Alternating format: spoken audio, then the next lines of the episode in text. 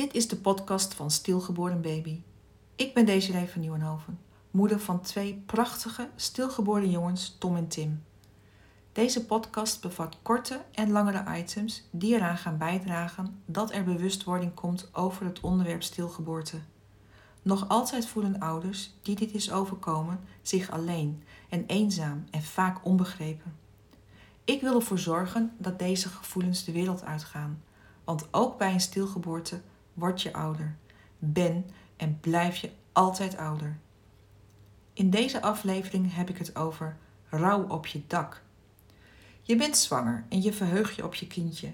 Je bent alles aan het voorbereiden: een kinderkamer, kleertjes, luiers, flesjes, speelgoed en ga zo maar door.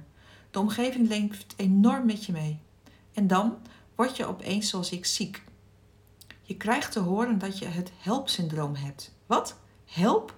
Ja, dat is met twee L'en voor de geïnteresseerden. Je wereld staat op zijn kop. Je denkt, ben ik de hoofdrolspeler in de ergste nachtmerrie die je kunt voorstellen? Dan is daar de harde werkelijkheid. Ik werd met spoed overgebracht van een streekziekenhuis naar een academisch ziekenhuis. Daar wordt dan helaas bevestigd. De kans dat je kindje komt te overlijden is groot, omdat de zwangerschap nog te kort onderweg is. De harde waarheid. Een stroom met tranen. Eigenlijk moet ik me rustig houden. Met help moet je zo min mogelijk prikkels hebben. Maar je bent ook mens, hè?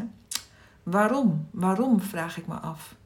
Artsen proberen van alles te doen om mijn leven te redden. Zware medicijnen worden via infusen toegediend. De baby overlijdt en dan krijg je te horen dat je moet gaan bevallen via het geboortekanaal, omdat je zo min mogelijk bloed moet verliezen. Ik had geen idee wat me te wachten stond en waarvoor dacht ik. Het was mijn eerste zwangerschap en een klote ziekte overviel me toen ik op vakantie was. Ik werd uit het niets doodziek. De controles waren goed en je denkt altijd: dit gebeurt je niet. Medici weten zoveel, aan dit scenario denk je echt niet.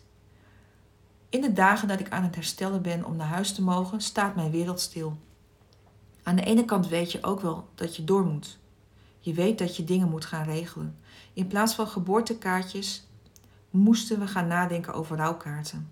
Dat is niet te doen. Je moet muziek hebben, bloemen, een mandje, terwijl de babykamer al is besteld en je droomt over het smeren van beschuit met muisjes. Dit is helaas vaak de werkelijkheid en realiteit bij veel stellen die een kindje verwachten.